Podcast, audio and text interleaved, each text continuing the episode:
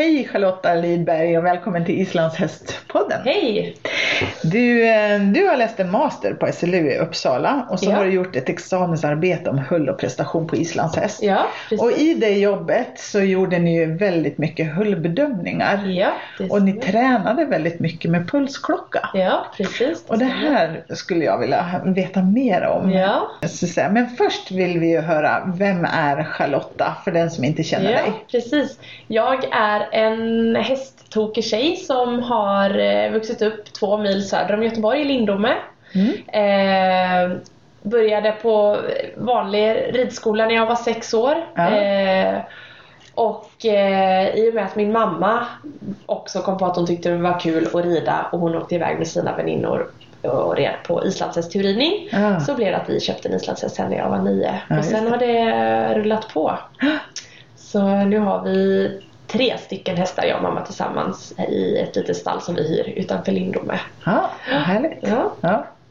Du, hull och prestation här nu då. Mm. Ni höll ju på med, eh, med det i ditt, din forskning. Ja, precis. Eh, Men det här med hullbedömning, alltså Mm, hur, mm. hur gör man? Ja, hur gör man? Eh, vi använder oss av en skala som heter Hennekeskalan. Eh, som utvecklades någon gång på 80-talet av en forskare. Ja. Eh, som är uppdelad eh, på en, i en skala från 1 till 9. Där en 1 är eh, mycket mager och en 9 är extremt fet. Mm. Och ja, där en femma är det optimala, ja, det. eh, den optimala hullpoängen då. Eh, och eh, vi gjorde så här då, eller då brukar man göra så att man delar upp hästen i olika delar. Mm. Så vi gav en poäng för eh, halsen och Mm. nacken. En poäng för ryggen. Mm. Eh, och sen en poäng för korset. Och för svansroten.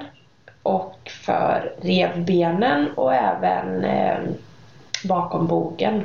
Mm. Och sen även en poäng för eh, helhetsbilden. Mm. Är det de olika delarna som du tänker att man borde titta på när man tittar på Ja. sin häst? Hur, hur, hur fet eller hur mager är min häst så att säga? ja, precis. Mm. Det är de områdena där man har sett då att eh, hästen samlar Mm. på sig fett. Mm. Mm. Att det liksom blir fett i på er. Och sen är de ju precis som vi då, att de samlar fett på olika ställen. Vissa har stora rumpor och smala midjor och, Mm. Ja, och sådär.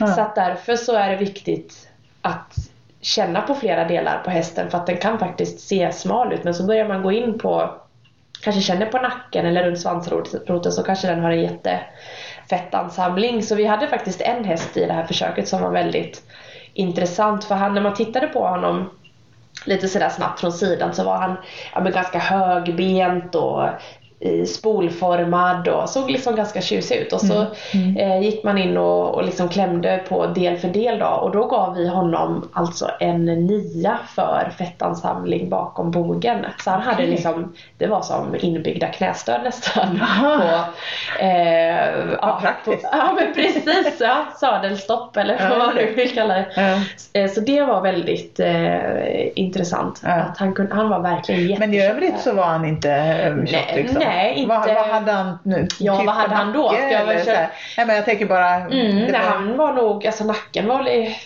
han, jag tror inte han gick över, ja det var på revbenen kanske han var över 6 då. Men det tror jag inte han var på de andra Nej, delarna. nej. Det var mellan, jag tror att det var mellan 5 och en halv och 6 och en halv eller någonting. Och hur betraktar man en sån häst då? För, för Ja. det där är ju svårt tänker jag. Man kan ju se revbenen men eh, tittar man på, på det så Ja. och sen så tittar man på nacken och då, då kan man känna en riktigt eh, fet Ja. Alltså, vad, vad ska man då titta på? Ja, ska man säga att jo jag har en väldigt smal häst, jag ser revbenen Mm, eller ska man säga mm. jag har en extremt fet Mm, häst? mm, Jag mm. kan känna nacken. Just fettnacke och fettansamling över ryggen och rumpan kan ju vara varningstecken eh, för en häst som har eh, EMS, Mm. utvecklat EMS eller, eller PPID då. Mm. Eh, så att då är det ju de områdena som man ska hålla koll på även om hästen är smal över revbenen. Och du sa EMS och PPI? PPID. PPID? Ja, eller och, Cushings brukar väl användas mer i vanligt. Ja. och vad är skillnaden på dem? Då är eh, EMS, det är ju det som eh, liknar våran diabetes, Diabetes. men Mm. som inte är det riktigt då. Mm. Eh, där insulinkänsligheten har minskat. Mm. Så att, och i och med det så eh, får man också en ökad risk för fång då. Och där är receptet, Och där är receptet bantning och eh, motion. ja just det. För att, och då kan nästan liksom bli helt bra igen och insulinkänsligheten ökar. Sett då. Mm. Eh, medans PPID eller Cushings då, eh, då har hästen en tumör Mm.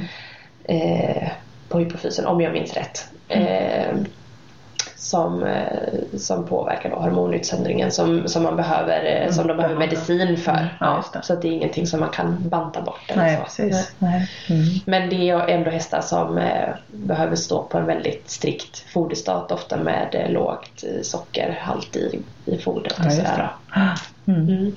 Du, tror du att vi eh, är för dåliga på att bedöma våra islandshästar generellt? Ja, det tror jag. Mm. för i och med att det är eh, klassat som en lättfödd ras Ja.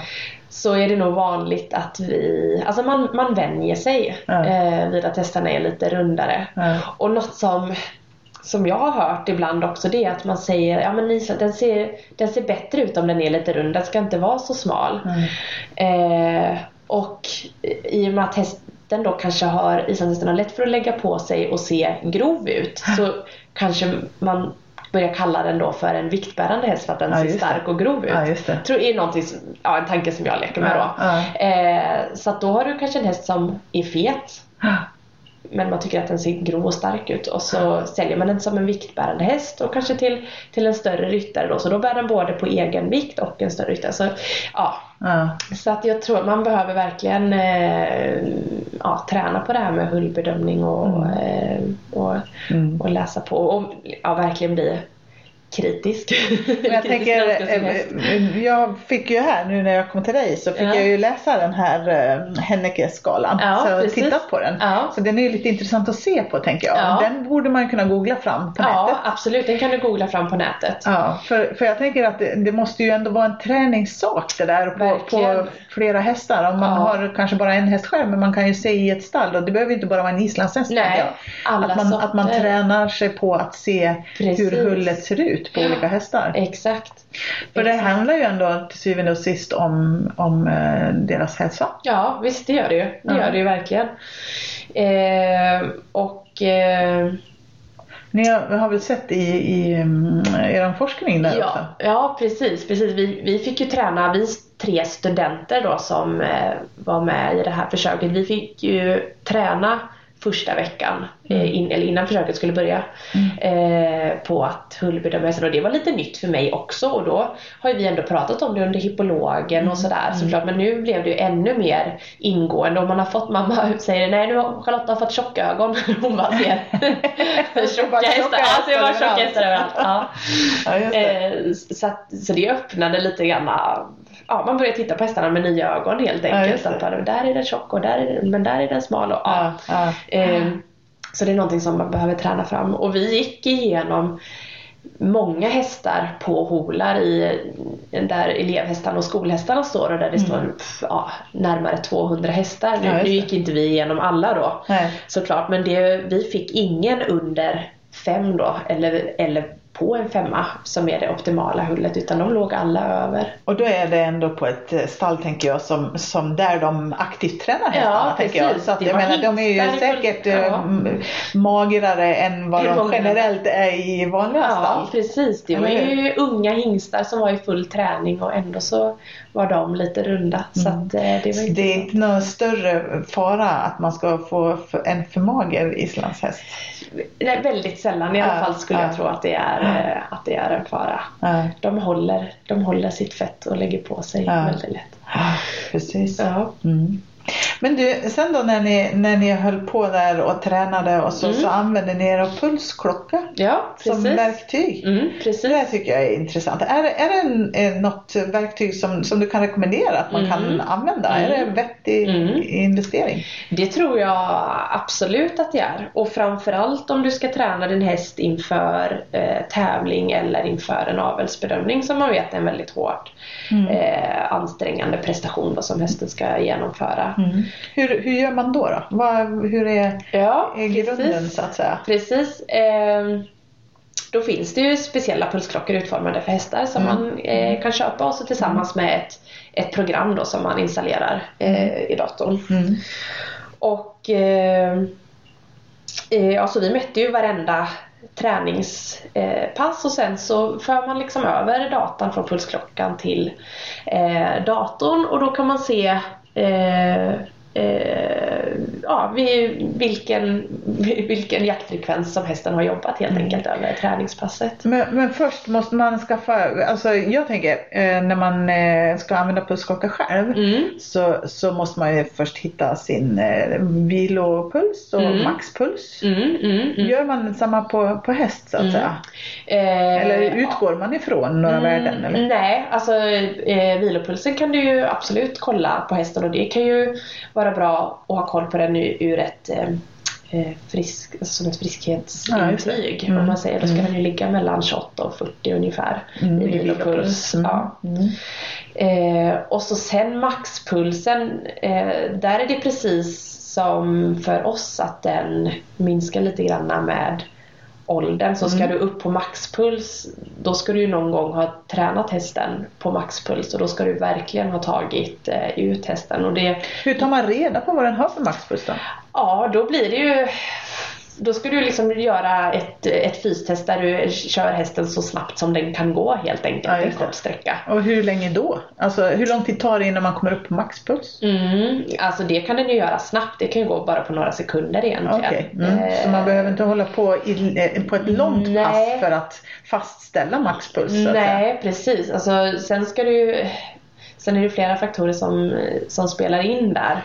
På eh, ansträngningsgraden och om du har värmt upp hästen Mm. och så innan också. Mm. Mm.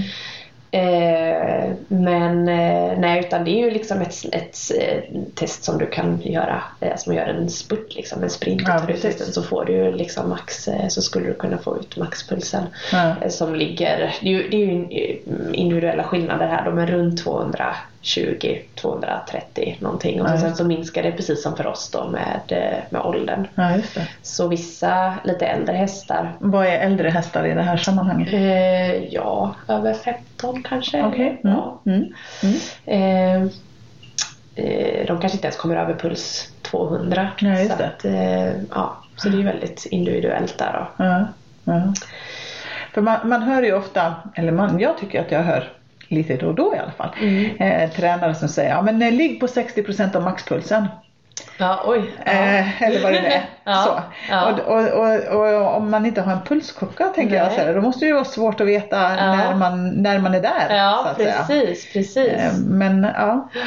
När vi körde försöket så har ju vi, eh, när vi har räknat på de här pulsmätningarna sen då som har gått över eh, de här träningsperioderna så har vi mätt eh, puls. Då har vi sagt att det relevanta är hur lång tid de har under puls 180 och hur lång tid de går över puls 180. Okej. För börjar du gå då över puls 180 då börjar du liksom ligga i det här äh, området där du börjar jobba med mjölksyra hos hästen när den liksom blir lite tröttare och Mm.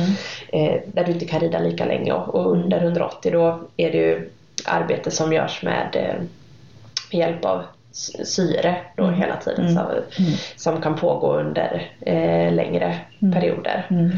Eh, men sen så, och för att kunna fastställa hästens kondition då så behöver man ju göra nästan ett, ett standardiserat test där du vet att du har samma vindhastighet, där du har samma underlag, där du har samma vikt på ryttan och det, ja, det är massa saker som, som eh, spelar in då men då kan du ju se eh, vid, eh, för när man rider ute med en sån här pulsklocka så rider man även med en GPS. Då kan man se vid vilken hastighet eh, eh, som hästen har en puls vid 180 till Mm. exempel Mm. eh, när du tränar. Och så kan det vara relevant att se då hur eh, har du en häst som är skadad till exempel eller som, eller som har ont eh, så jobbar den med kanske lite högre hjärtfrekvens och ser du men gud den här hjärt, puls, den ser inte alls eh, den ser jättekonstig ut. Även fast jag har ridit långsamt så är pulsen jättehög. Mm. Så då kan det vara en indikation på att hästen kanske har ont. Då. Eh, Om man nu är intresserad av att, att träna med pulsklocka, Mm. eh, en häst som man kanske ska avelsvisa nästa säsong. mm, Nu är vi i oktober, eh, avelsvisning till sommaren Mm. eller tävling.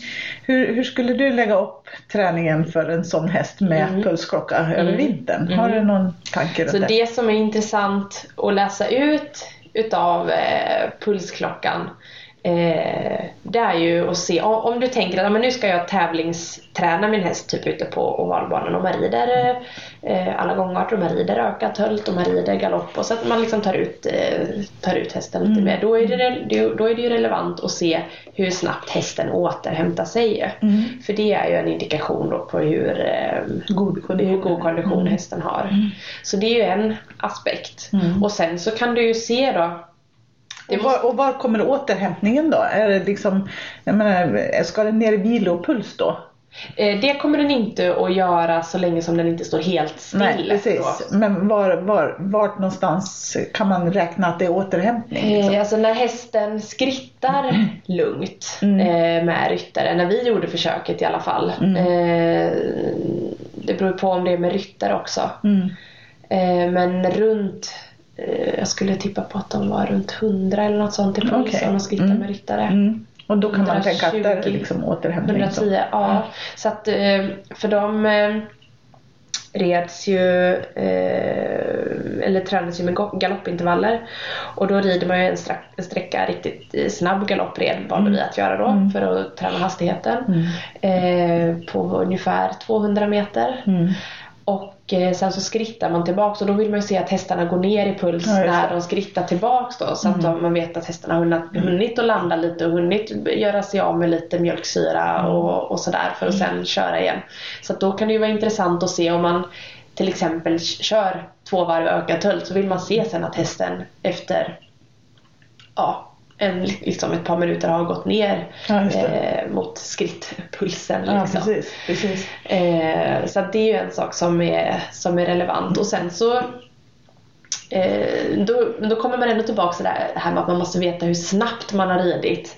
För annars vet man inte, man, man kan ju ta tid då. Det blir det är ju ganska lätt på en ovalbana egentligen. Mm. Ta tid och så, eh, så att man vet att man har ridit lika snabbt i ökad eh, tölt. Om man nu ska jämföra då över en period. Att Mm. ja, men i, i början på hösten så hade han den här pulsen när jag red så här snabbt i tölten. Mm. Men sen eh, två månader senare eller in- kanske inför vårsäsongen så, så eh, hade den en lägre puls fast jag Mm. red lika, lika Mm. snabbt upp. Då. Ja. Men du, kan man träna eh, eh, mjölksyretåligheten? Mm, det kan man göra. Så, Hur, hur gör man då?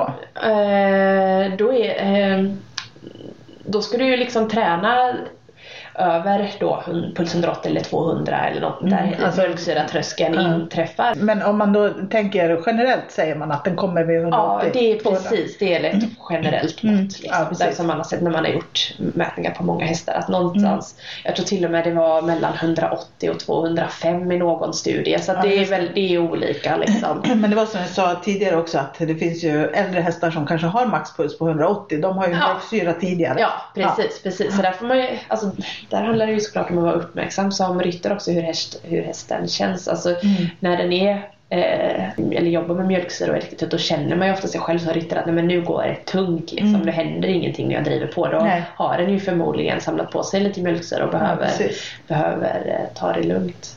Men om man ska träna tåligheten för den då? Mm. Eller kan man, höjer man, tål, eh, tränar man att de tål mjölksyra bättre eller höjer man där mjölksyran slår in? Ja, eh, både och. Okej. Du, höjer inte, du höjer inte pulsen, alltså Nej, den inträffar förmodligen vid samma okej. Mm. om jag har förstått det rätt här nu. Ja. Men däremot så, så kan du öka hastigheten vid det tillfället där det Ja, just inträffar. det. Ja, just det. om alla omständigheter är liksom de samma. Du kan ju ha högre hjärtfrekvens om du typ travar i tung sand så kan du ju få en högre även fast det inte Mm. Går så snabbt. Nej. Så att det gäller ju liksom att ja, Motståndet. Ja. Mm. ja precis.